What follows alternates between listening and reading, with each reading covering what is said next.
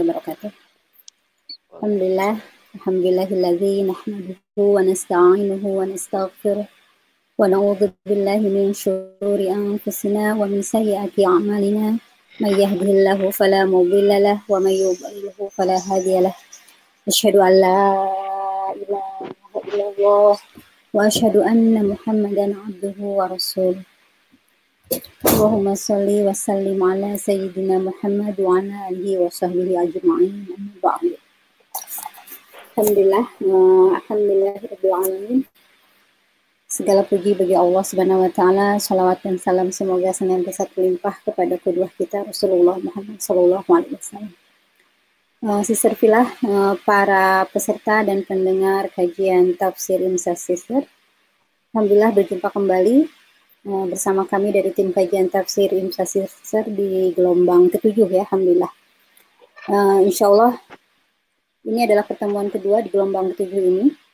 Hmm, kita akan bersama-sama menyimak dan mempelajari kembali kelanjutan dari tafsir analitik Zuz ke-28, tepatnya Quran Surat Al-Mujadilah, bagian yang kedua. Uh, insya Allah telah hadir di tengah-tengah kita juga narasumber tetap kita yaitu Dr. Saiful Bahri MA, insya. Uh, sebelum kita masuk ke kajian utama, kita akan sama-sama menyimak tilawah Al-Quran, Quran Surat Al-Mujadilah ayat 11 sampai 17 yang akan dibawakan oleh Mbak Arin. Kepada Mbak Arin, saya persilahkan. Ya, ya, Assalamualaikum warahmatullahi wabarakatuh. Saya akan mulai baca surat Al-Mujadilah ayat 11 sampai dengan 17. أعوذ بالله من الشيطان الرجيم. يا أيها الذين آمنوا إذا قيل لكم تفسحوا في المجالس في المجالس فافسحوا يفسح الله لكم. وإذا قيل انشزوا فانشزوا يرفع الله الذين آمنوا منكم الذين آمنوا منكم والذين أوتوا العلم درجات. والله بما تعملون خبير. يا أيها الذين آمنوا إذا ناجيتم الرسول فقدموا بين يدي نجواكم صدقة.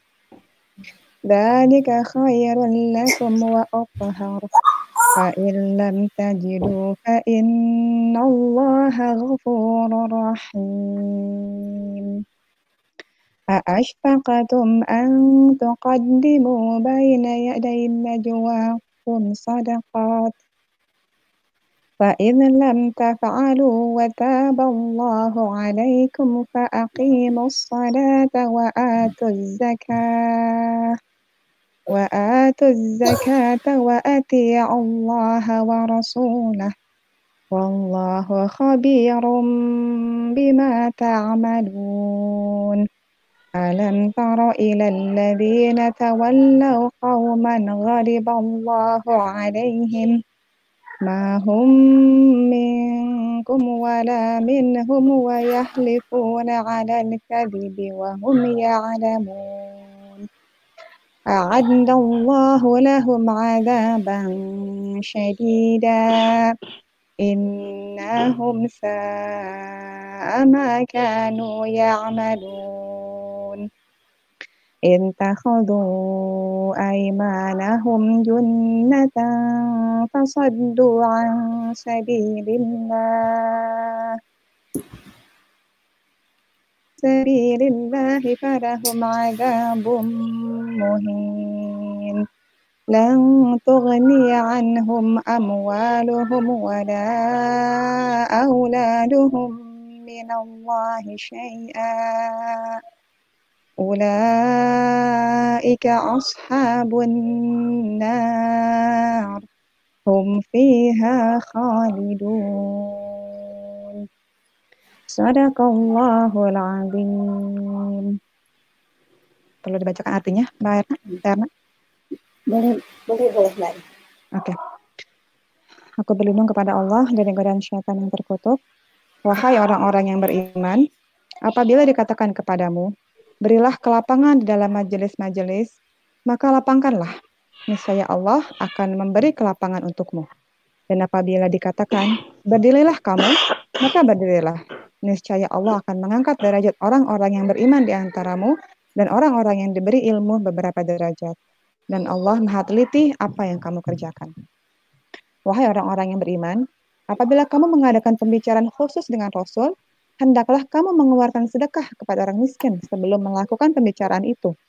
Yang demikian itu lebih baik bagimu dan lebih bersih. Tetapi jika kamu tidak memperoleh yang akan disedekahkan, maka sungguh Allah Maha Pengampun, Maha Penyayang. Apakah kamu takut akan menjadi miskin karena kamu memberikan sedekah sebelum melakukan pembicaraan dengan Rasul? Tetapi jika kamu tidak melakukannya dan Allah telah memberi ampun kepadamu, maka laksanakanlah salat dan tunaikanlah zakat, serta taatlah kepada Allah dan Rasul-Nya. Dan Allah maha teliti terhadap apa yang kamu kerjakan. Tidakkah engkau perhatikan orang-orang munafik yang menjadikan suatu kaum yang telah dimurkai Allah sebagai sahabat? Orang-orang itu bukan dari kaum kamu dan bukan dari kaum mereka. Dan mereka bersumpah atas kebohongan, sedang mereka mengetahuinya. Allah telah menyediakan azab yang sangat keras bagi mereka. Sungguh betapa buruknya apa yang telah mereka kerjakan. Maka menjadikan sumpah mereka menjadikan sumpah-sumpah mereka sebagai perisai. Lalu mereka menghalang-halangi manusia dari jalan Allah maka bagi mereka azab yang menghinakan. Harta benda dan anak-anak mereka tidak berguna sedikit pun untuk menolong mereka dari azab Allah. Mereka itulah penghuni neraka, mereka kekal di dalamnya. Maha benar Allah dengan segala firman-Nya. Alhamdulillah, Nah, Zakillah khairan kasih Mbak Arin yang sudah membuka pertemuan kita dengan ayat-ayat suci Al-Quran. Semoga Mbak Arin yang membaca mendapatkan Allah, itu kita yang mengingat Baik, Suster Pula, kita akan menginjak pada acara inti kita, yaitu lanjutan dari kajian tafsir surat Al-Mujilah bagian kedua. Uh, sebelumnya mungkin uh, saya melihat di sini daftar peserta yang baru ya.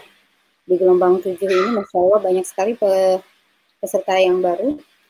Mungkin saya akan coba sampaikan dulu perkenalkan Pak Ustadz ya, eh, narasumber tetap kita yang sudah mengasuh program ini selama tujuh gelombang. Saya akan coba bacakan biodata beliau. Um, ini koneksi saya dengan Pak Ustadz putus ya? Enggak, masih masih dengar. Ya Pak Ustadz. Baik. Saya akan coba bacakan biodata beliau ya. Uh, Nama Dr. Saiful Bahri MA. Latar belakang pendidikan beliau adalah S1, S2, dan S3-nya jurusan tafsir dan ilmu-ilmu Al-Quran di Universitas Al-Azhar Kairo, Mesir. Pengalaman dakwah, safari dakwah beliau mengisi berbagai kajian dan penelitian di berbagai negara seperti di Australia, Inggris, Skotlandia, Malaysia, Singapura, China, Jepang, Turki, Belanda, Italia, Swiss, Jerman, Prancis, Saudi Arabia, Mesir, Tunisia, dan Yordania, Masya Allah. Dan aktivitas beliau pada saat ini adalah sebagai dosen di Universitas Muhammadiyah Jakarta, dosen di Universitas Al-Azhar Indonesia Jakarta. Dia juga duduk sebagai Wakil Ketua Komisi Seni Budaya MUI Pusat Jakarta. Juga sebagai Direktur The Islamic World and Humanity Center Jakarta. Anggota tim tafsir ilmu PMQ Lembaga Pentasihah Musaf Al-Quran Kementerian Agama Republik Indonesia, anggota inisiatif Bidang Center dan Korps Mobile PKPU Human Initiative Jakarta dan juga beliau punya acara ya pengasuh halakoh tadabur Al-Quran yang bisa sister ikuti live Facebook ataupun di channel YouTube beliau dan berbagai narasumber di berbagai kajian keislaman gitu. Insya Allah kita akan segera terhubung dengan Pak Ustadz. Assalamualaikum Pak Ustadz. Waalaikumsalam warahmatullahi wabarakatuh. Baik Pak Ustadz, uh, saya persilahkan Pak Ustadz untuk menyampaikan materinya. Baik.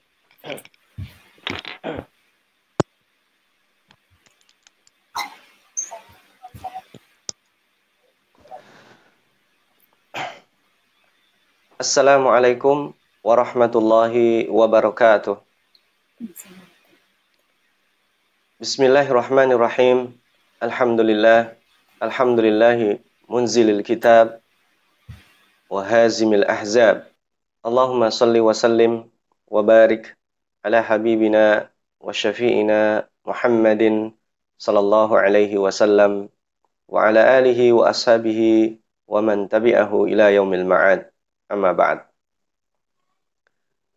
Para pemirsa dan peserta kajian tafsir online yang diadakan oleh IMSA Sister, terkhusus yang ada di Amerika dan Kanada, kita bersyukur kepada Allah Subhanahu wa taala dengan perbedaan waktu dan tempat disatukan Allah pada satu titik yaitu perjumpaan menikmati dan sama-sama kita berada di depan hidangan Allah yaitu surah-surah Al-Quran. Bismillah ta'ala kita akan melanjutkan kajian surah atau tadabur surah Al-Mujadilah. Pada kajian terdahulu, dalam ringkasan tadabur, kita melihat surat Al-Mujadilah adalah surat lain dari sekian surat di dalam Al-Quran yang memiliki perhatian terhadap kaum perempuan. Kemuliaan perempuan dijaga di sini, diproteksi, supaya terhindar dari kezaliman. Potensi kezaliman itu bisa terjadi di mana-mana, tidak terkecuali dari dalam rumahnya sendiri. Allah Subhanahu wa taala juga di dalam menyelesaikan kezaliman memberikan aturan supaya tidak ada kezaliman berikutnya. Maka dalam konsultasi keluarga pun Allah Subhanahu wa taala memberikan eh, norma-norma. Uh, Ketika kita berkonsultasi keluarga, maka aib ataupun rahasia keluarga hanya disampaikan kepada pihak yang berkepentingan saja. Maka tidak benar jika dalam konsultasi keluarga kemudian kita publish dengan sejelas-jelasnya kecuali jika untuk tujuan pembelajaran itu pun dengan cara disamarkan atau ditiadakan inisial atau nama yang bersangkutan. Uh, kemarin kita juga memberikan uh, highlight uh, kita sama-sama tahu kemahatauan Allah Subhanahu wa taala ketika kita berdua atau bertiga dengan siapa pun uh, ini untuk memberikan uh, motivasi kita senantiasa menjaga apa yang kita ucapkan dan kita lakukan. Pada prinsipnya, uh, An-Najwa yang pada kali ini insya Allah akan berlanjut, pembahasan tentang berbisik-bisik, ini juga menandakan Allah subhanahu wa ta'ala menjaga hubungan antara manusia. Jika ada tiga orang, maka menjadi hak kedua orang yang kita berinteraksi dengannya mendapatkan perlakuan yang yang sama, sekalipun tidak mungkin sama persis, tetapi kita tidak bisa berlaku cuek pada satunya dengan berlebihan memperhatikan yang lainnya.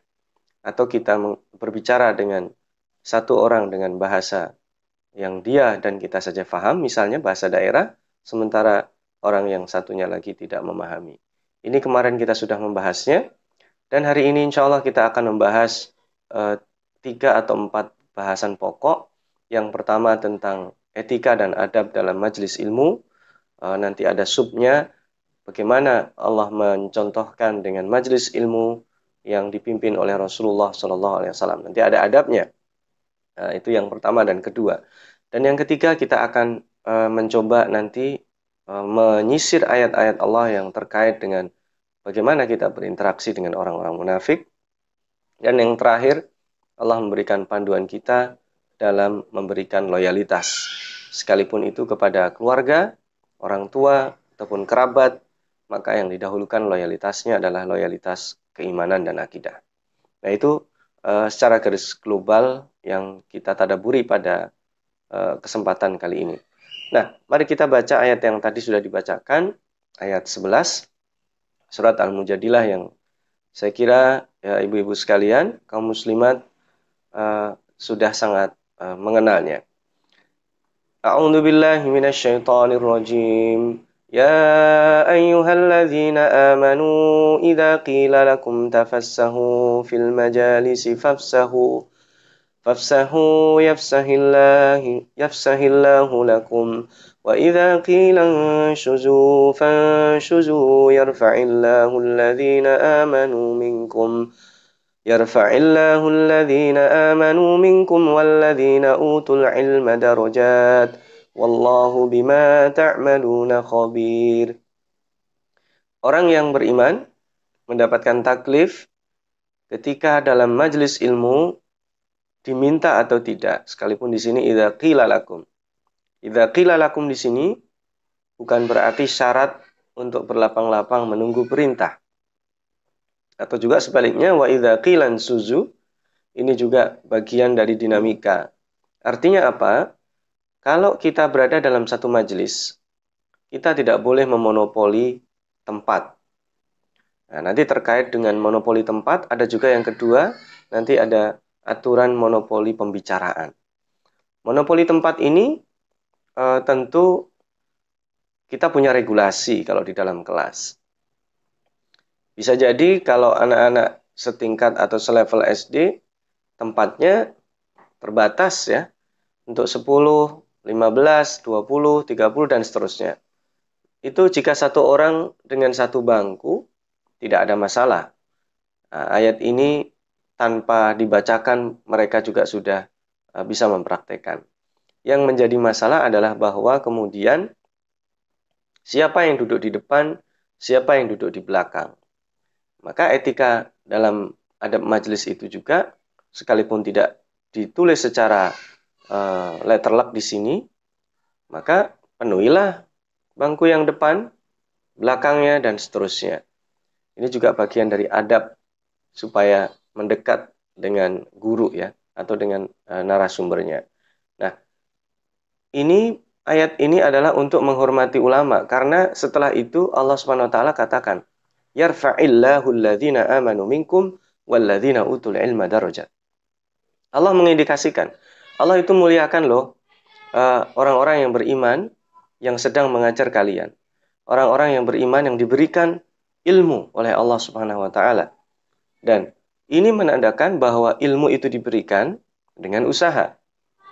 Ilmu itu diberikan dengan belajar. Di dalam berbagai surat, terutama surat Al-Baqarah, Allah menekankan proses pembelajaran Nabi Adam itu dijelaskan. Jadi ilmu itu memang Allah yang memberi, tetapi prosesnya selalu ada. Sekalipun nanti disebut ilmu itu ada ilmu laduni yang dikenal dengan dalam dunia sufi, ilmu yang diberi Allah tanpa belajar. Tetapi Al-Fakir mungkin kurang sepakat dengan istilah itu. Ilmu sekalipun disebut ilmu laduni dari Allah Subhanahu wa taala, prosesnya ada. Tapi Allah memberikan hasil melebihi dari usaha itu. Bisa jadi kita hanya belajar satu ayat, tapi Allah memberikan kefahaman seratus ayat. Mungkin karena Allah menginginkannya ada percepatan di sana. Sebagaimana yang dilakukan Allah kepada hamba-hambanya dari para nabi ketika menolong. Maryam hanya disuruh menggoyang pohon korma yang secara fisik mustahil dilakukan oleh orang yang habis melahirkan. Tetapi goyangan itu, dorongan itu kepada pohon kurma adalah bentuk usaha. Maka Allah turunkan kurma yang sangat banyak. Nabi Musa disuruh untuk memukulkan tongkatnya di Laut Merah. itu usaha yang sangat minim sekali. Tetapi Allah Subhanahu wa taala perlu menegaskan wajibnya usaha, termasuk wajibnya belajar. Karena itu, Rasulullah Shallallahu Alaihi Wasallam dalam hadis sahihnya menegaskan, talabul ilmi faridatun. Menuntut ilmu faridah.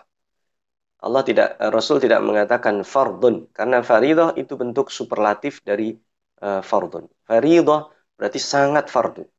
Jadi sangat wajib. Tidak ada ceritanya mencari ilmu itu sunnah. Tidak ada ceritanya mencari ilmu itu mubah. Mencari ilmu hukumnya wajib. Apalagi terkait dengan keberlangsungan diri kita dalam beribadah kepada Allah. Bagaimana kita sholat, maka mencarinya juga wajib. Karena supaya sholat kita tidak salah. Supaya sholat kita benar. Bagaimana saya puasa, mencari ilmu tentang itu wajib hukumnya. Bagaimana saya membayar zakat, mencari ilmu tentang itu juga wajib hukumnya. Bagaimana saya menjadi suami yang baik, menjadi istri yang baik, menjadi anak yang baik, menjadi ibu yang baik, menjadi ayah yang baik, itu juga wajib hukumnya. Hanya saja nantinya Allah memberikan keringanan, karena nanti ada manajemen uh, tentang mencari ilmu di Al-Taubah 122. Tidak semua orang mencari ilmu, tidak semua orang uh, mampu dan berkesempatan ada yang berjihad, maka orang yang mencari ilmu, orang-orang yang berjihad nanti pulang, ajarkan kepada mereka. Ada yang mempelajari ilmu agama, dan itu hukumnya adalah fardu kifayah uh, dalam komunitas, supaya bisa mengajarkan. Kalau tidak ada, maka semua orang akan berdosa. Di satu komunitas harus ada orang yang faham ilmu syar'i. Dan sebagaimana ilmu-ilmu syar'i ini juga, maka nanti akan ada konsekuensi ilmu-ilmu lainnya seperti ilmu kesehatan, uh, pembahasan tentang uh, teknologi, tentang uh, hal kontemporer. Ini semuanya nanti uh, bekerja sama.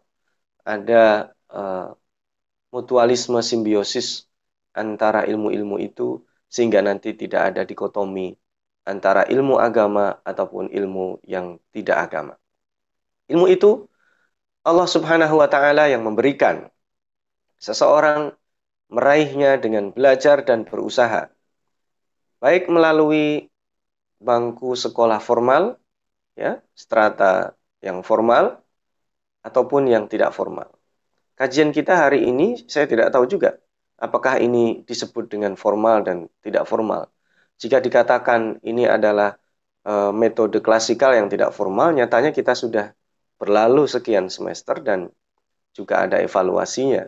Mungkin uh, tataran formal dan tidak formal itu adalah pada akreditasinya.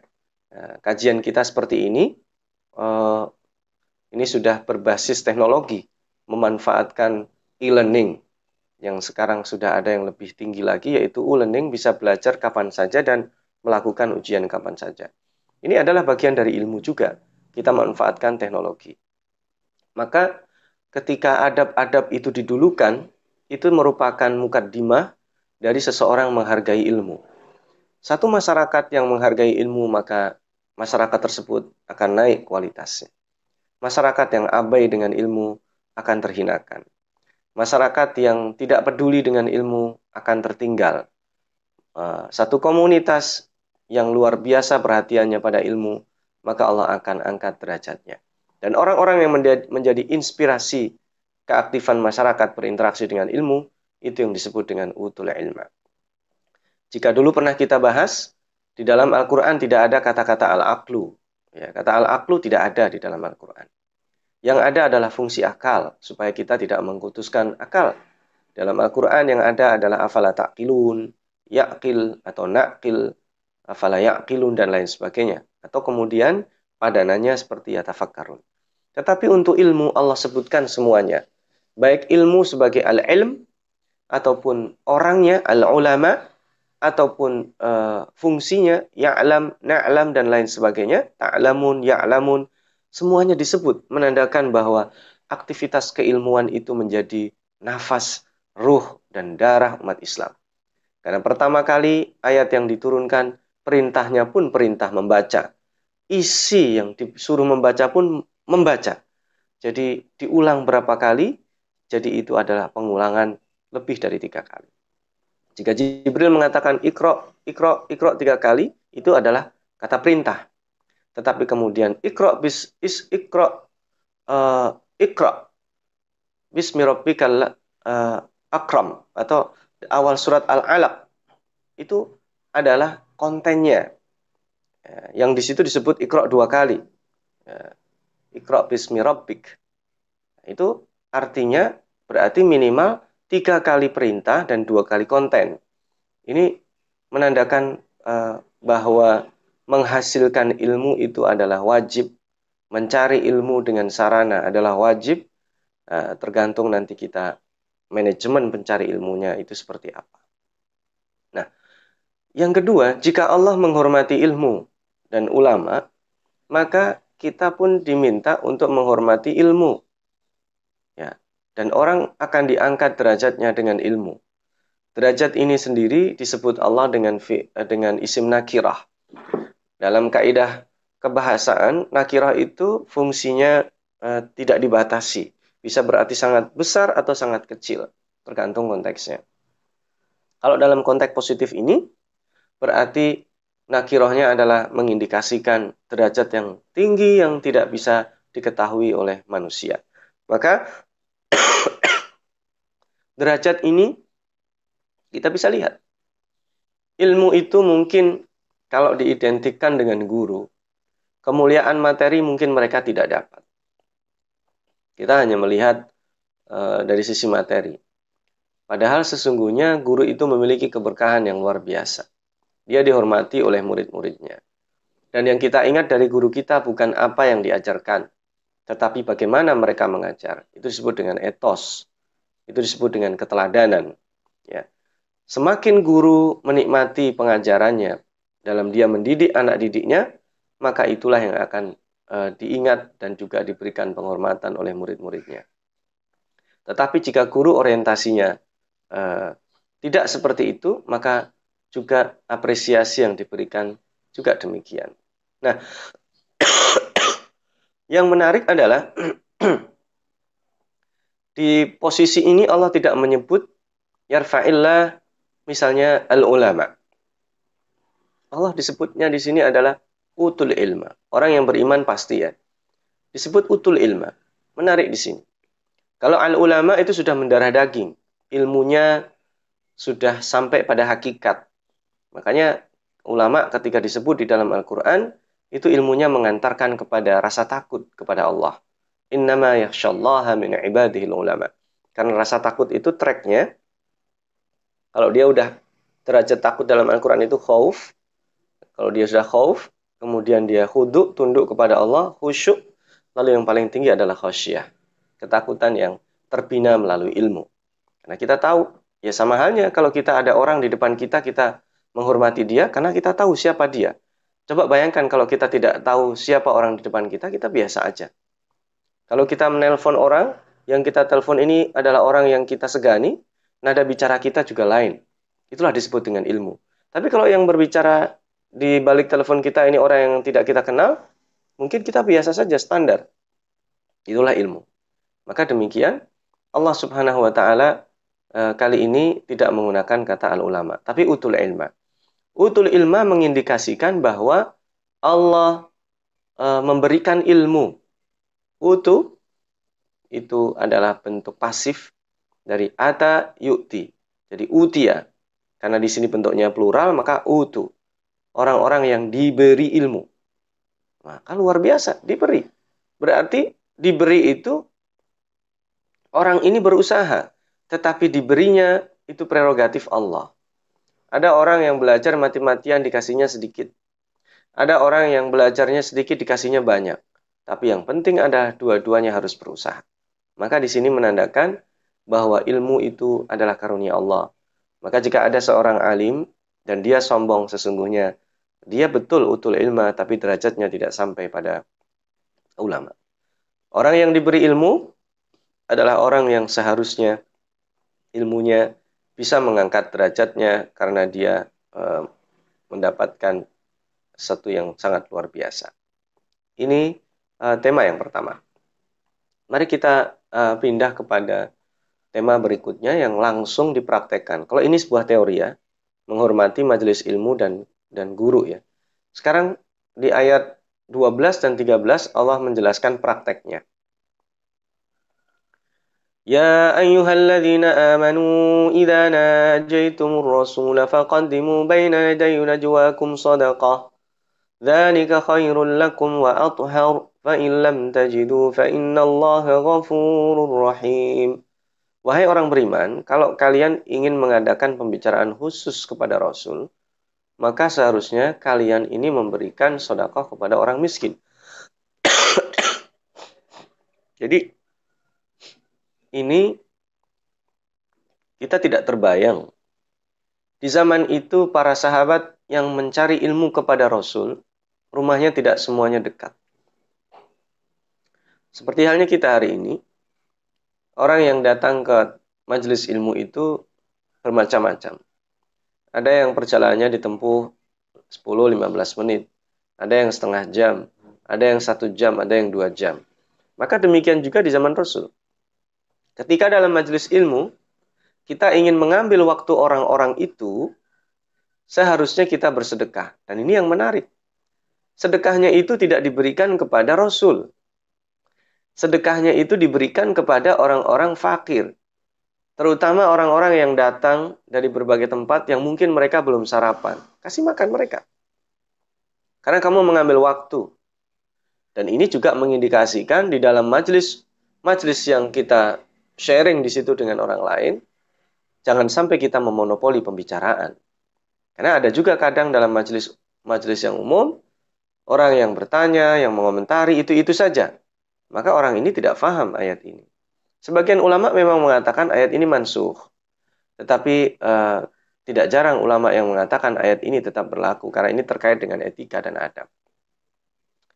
Nah, dan yang menarik adalah biasanya kalau kita mengadakan pembicaraan khusus atau disebut dengan private, yang kita bayar adalah orangnya. Dan itu tidak dilarang sebenarnya. Ya, kalau dulu waktu saya kecil ada disebut dengan les privat itu kan orang tua kita membayar eh, bukan membayar ya, apa memberikan tambahan kepada guru les privatnya karena dia dipanggil ke rumah dan itu tidak dilarang sebenarnya.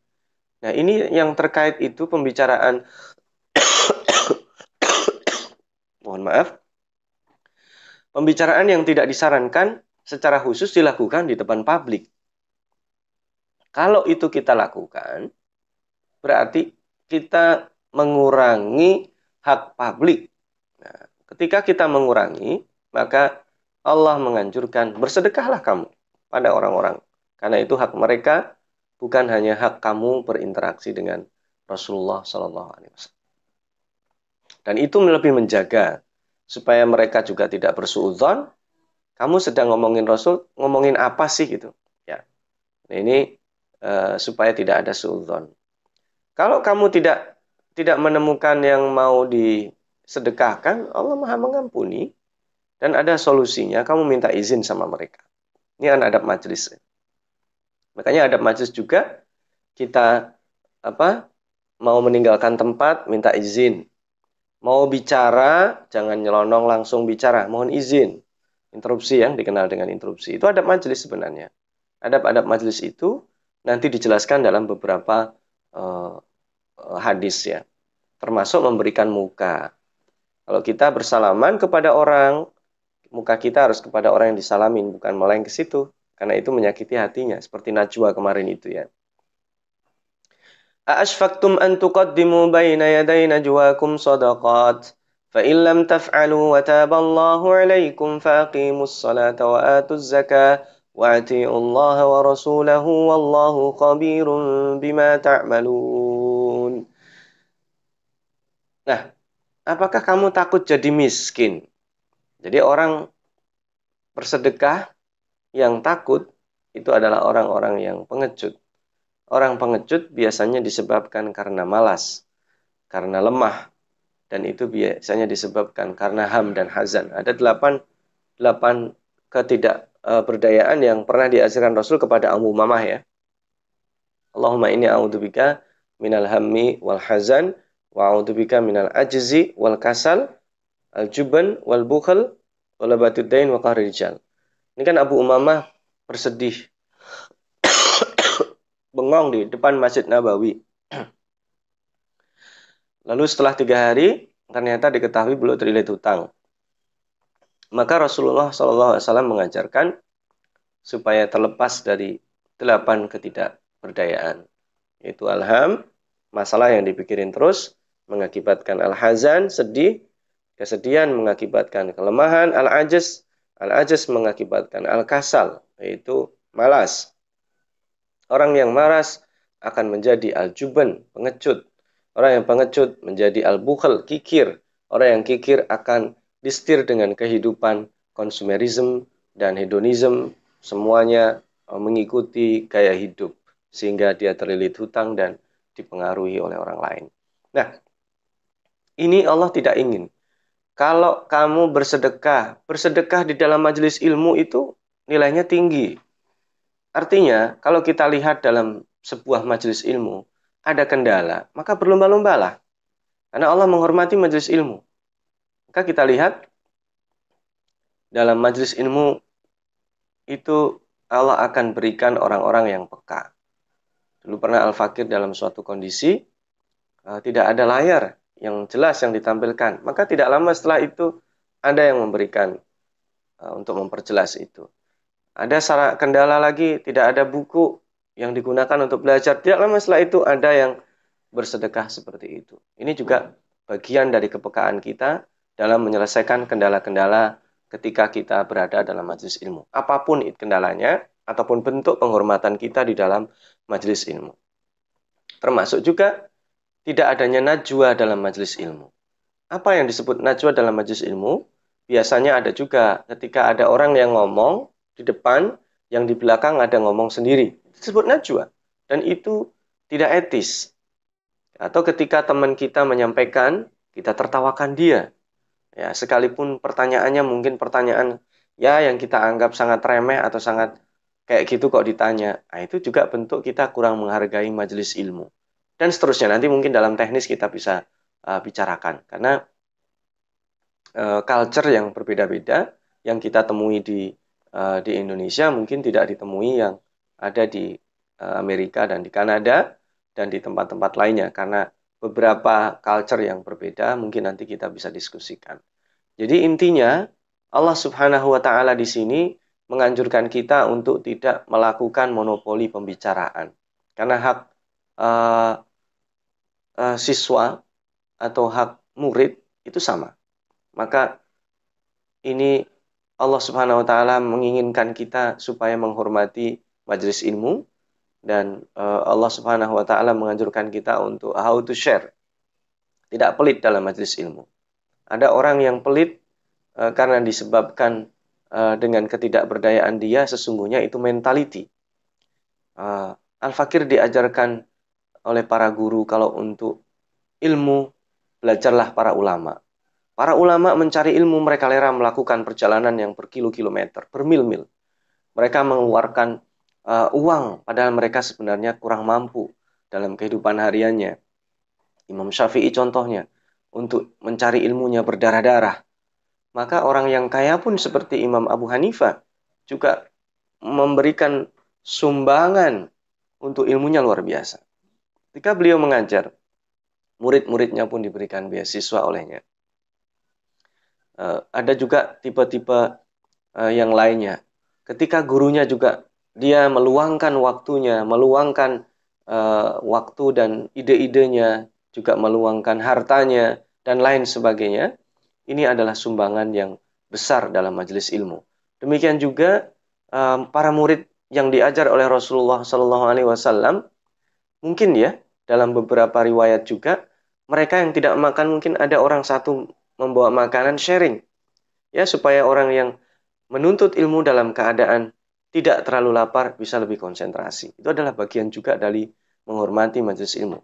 Ketika orang datang dalam majelis ilmu, mereka adalah orang yang siap, datang dalam keadaan siap dalam belajar. Itu juga menghormati majelis ilmu. Kemudian yang berikutnya, yang eh, terakhir, Allah Maha tahu motivasi seseorang mencari ilmu. Nah, motivasi seseorang mencari ilmu itu apa? Jika hari ini ilmu sudah sangat diformalkan, sehingga ada ijazah atau sertifikat itu juga bagian yang tidak bisa dihindarkan. Nanti ketika kita jadi dosen juga ada ada tingkatannya, kemudian harus melakukan sertifikasi dan lain sebagainya. Guru juga demikian. Maka itu bagian dari kelaziman administrasi yang tentu tidak bisa dihindari. Tetapi Allah Maha tahu, sesungguhnya motivasi seseorang mencari ilmu dan menyampaikan ilmu juga itu ada hadisnya. Jika motivasinya adalah liyuqalu aliman dalam hadis sahih, ketika seseorang membaca Al-Qur'an supaya dikatakan, "Oh, bacaannya bagus," maka dia nanti akan masuk neraka.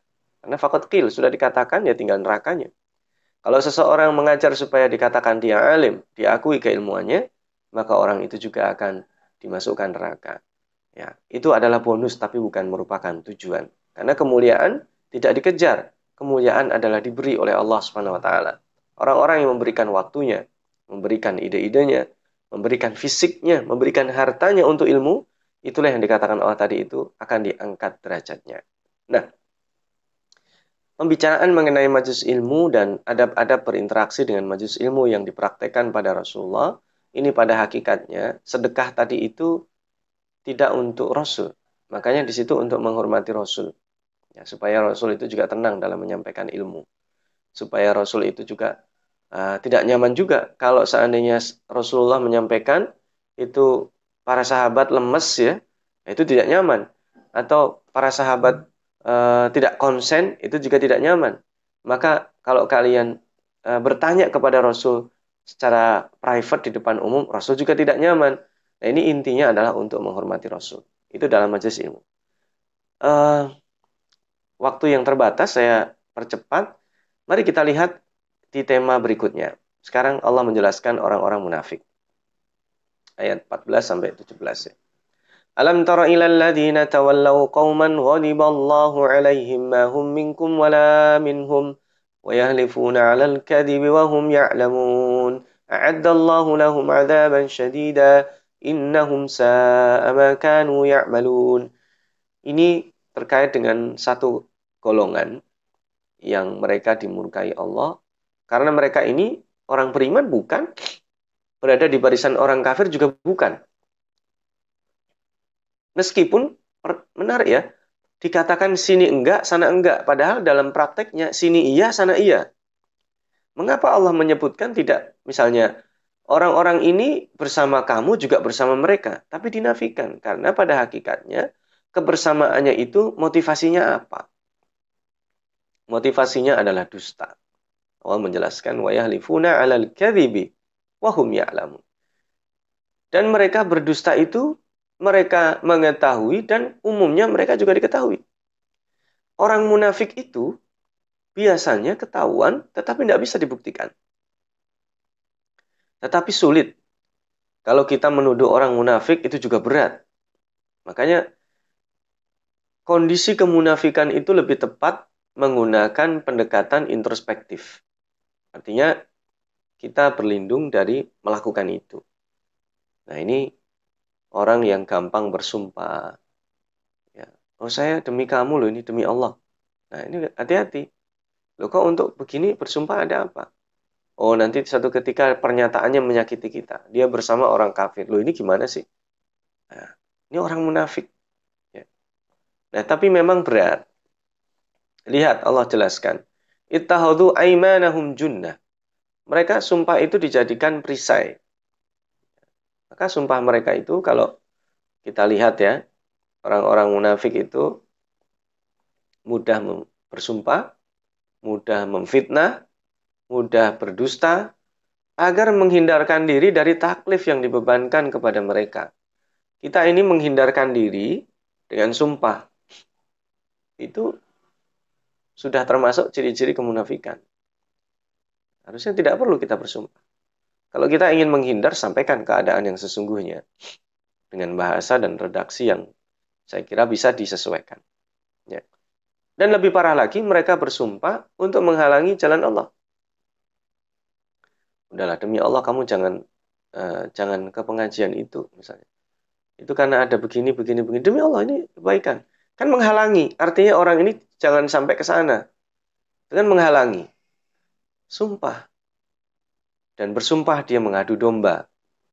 Maka Allah tegaskan, lantuhnya. Di sini kan bahasanya kan mohon maaf. Lantughniya anhum amwaluhum wala auladuhum minallahi syai'a. Ulaika ashabun narihum fiha khalidun.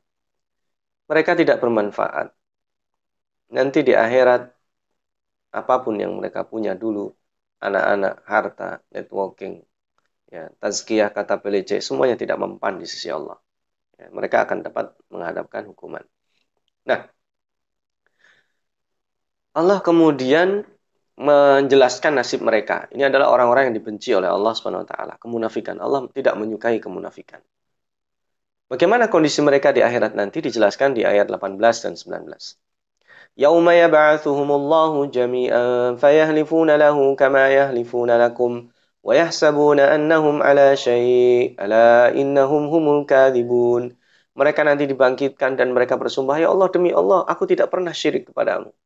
Mudah sekali Oh, saya nggak pernah menjelek-jelekan kamu. Padahal fakta yang terjadi begitu.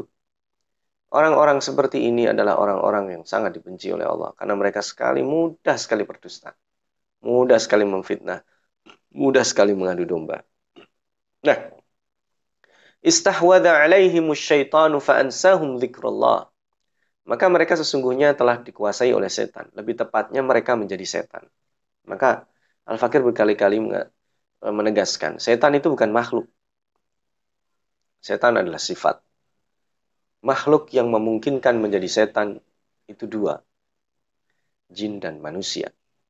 Makanya eh, dikatakan di dalam beberapa surat ya, wa kadzalika ja'alna likulli nabiyyin aduwan, ini dalam surat Al-An'am ya, syayatinal insi wal.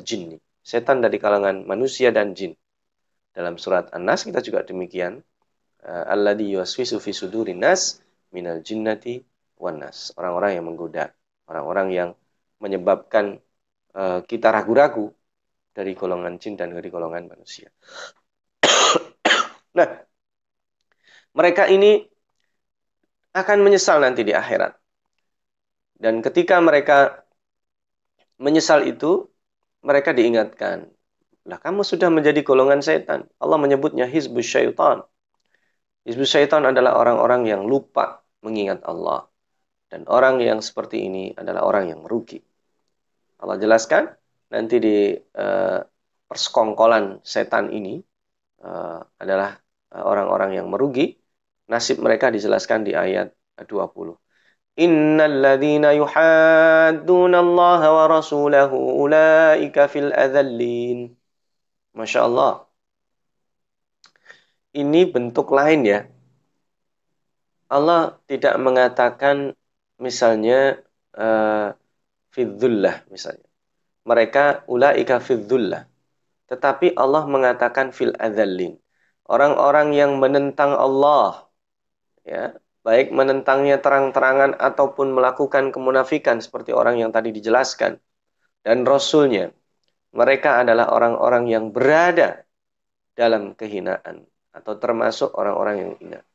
Adzallin. Masya Allah. Uh, dalam beberapa tafsir disebutkan hum fi jumlatil adzilla. Adzilla itu uh, jamak taksir daripada orang-orang yang hina. Maka kehinaan ini ketika dimasukkan fi itu dari sisi semuanya masuk. Terhinakan. Terhinakan itu secara fisik dan non fisik. Contoh, di hari kiamat orang ada orang yang ditarik telinganya, ditarik ubun-ubunnya sehingga semua orang bisa melihatnya. Ya kayak di dunia begini. Kalau ada orang tua memarahi anaknya di depan publik, itu yang tersakiti sesungguhnya uh, eh, non fisiknya. Orang ditempeleng, sakit, tetapi yang lebih sakit fisiknya. Orang diomelin sambil ditempeleng, ditarik telinganya, telinga sakit, tetapi sesungguhnya ketika ditarik di depan umum itu lebih sakit. Maka kita bayangkan uh, ketika mereka uh, malaikat Zabaniyah mengambil uh, ubun-ubun, maka itu orang ditarik ubun-ubunnya, kepala dipegang. Itu kan terhinakan. Sanasimuhu alal hurtum. Hidung disebut belalai. Atau belalainya panjang. Maka ini juga bentuk penghinaan. Ma'asyiral muslimin wal muslimat, khususnya ibu-ibu para peserta kajian tafsir online ini, kita perhatikan kehinaan yang seperti itu sangat menyakitkan. Tetapi mereka melupakan bagaimana dulu menyakiti Allah dan Rasulnya. Jika hari ini kita tersakiti secara fisik, pasti nyawa umat Islam tidak dihargai. Kalau ada umat Islam tersakiti, seharusnya dibela, malah dijadikan bulan-bulanan, diberikan stigma dengan istilah apalah, radikal, teroris, dan lain sebagainya. Maka orang-orang yang seperti ini nantinya akan mendapatkan kehinaan yang yang sangat luar biasa. Dan Allah tegaskan, kata Allahu la aglibanna ana wa rusuli innallaha qawiyyun aziz. Udah aku tetapkan aku tetapkan kemenangan untuk rasul-rasulku. Allah Maha yang menarik di sini. Allah menyebutkan la kataballahu la aglibanna ana wa rusuli. Aku dan rasul-rasulku. Itu menegaskan itu supaya orang tahu siapa aku. Ini sudah marah Allah kalau begitu. Sesungguhnya Allah kawiyun, maha kuat, aziz dan perkasa. Tidak ada yang sanggup mengalahkan uh, keinginan Allah Subhanahu wa taala. Terakhir, Allah Subhanahu wa taala uh, menegaskan tentang arti loyalitas. La tajidu qauman yu'minuna billahi wal yaumil akhir yuwaduna man hadallaha wa rasulahu walau kanu aba'ahum au abna'ahum au ikhwanahum au asyiratahum. Orang-orang yang beriman kepada Allah dan hari akhir itu tidak berkasih sayang, tidak memberikan loyalitas kepada orang-orang yang memusuhi Allah. Sekalipun mereka itu masih ada hubungan keluarga, darah, dan nasab. Jika mereka uh, sudah memberikan loyalitas yang benar kepada Allah, maka Allah akan kuatkan mereka Allah akan support mereka. Allah beri ketenangan kepada mereka. Diberikan surga. Allah ridho kepada mereka dan mereka itulah disebut dengan Hizbullah. Hizbullah itu gambaran bahwa mereka, kalau syaitan itu kan persekongkolan ya. Hizbullah itu golongan yang yang nanti akan bertemu dengan Allah. Makanya ditutup di sini uh, ala inna hizballahi humul muflihun. Kata-kata al-falah ini menarik ya. Terjemahan al-falah sulit. Al-falah itu bisa diterjemahkan kemenangan, bisa diterjemahkan kebahagiaan. Tapi uh, lembaga uh, tasih ya, menerjemah Al-Quran Kemenak RI itu menerjemahkan dengan keberuntungan. Keberuntungan bukan berarti tanpa usaha. Tapi usaha itu karena disebut keberuntungan, tidak selamanya usaha kita itu berbanding dengan hasilnya. Maka kalau kita berusaha, oh tepat, nah itulah disebut dengan beruntung. Jangan diartikan keberuntungan itu seperti ya untung-untungan, bukan. Keberuntungan bukan untung-untungan. Keberuntungan adalah usaha yang kita lakukan. Misalnya kita kalkulasi, saya kalau melakukan 1 2 mendapatkan 1 2 3. Tetapi yang disebut keberuntungan, saya melakukan 1 2 dapatnya 1 2 3 4 5 6 7 8 9 10 dan seterusnya. Biguiri hisab.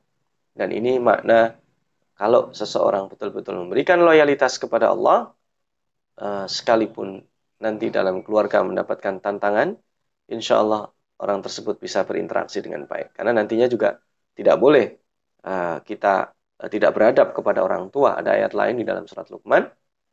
Bagaimana berinteraksi dengan keluarga yang memusuhi Islam, uh, ada beberapa batasannya. Bahkan Bagaimana berinteraksi dengan keluarga yang mensupport tapi tidak mau, itu juga sudah dicontohkan dalam profil Abu Talib, keluarga-keluarga Rasul yang memusuhi Rasul, semuanya sudah ada contohnya. Mungkin ini saja sebagai mukadimah. Nanti jika ada yang perlu didiskusikan atau ditanyakan, bisa kita sambung dalam forum dialog. Aku luka lihada wa jazakumullah khair. Saya kembalikan kepada uh, moderator. Wassalamualaikum warahmatullahi wabarakatuh. Waalaikumsalam warahmatullahi wabarakatuh. Alhamdulillah. Jazakallah khairan kasir Pak Ustaz. Insya Allah seperti biasa selalu menambah ilmu dan wawasan buat kita semua. Eh, terima kasih juga Pak Ustaz sudah meluangkan waktunya walaupun beliau sedang kurang sehat ya. Syafakullah Pak Ustaz, semoga segera pulih kembali.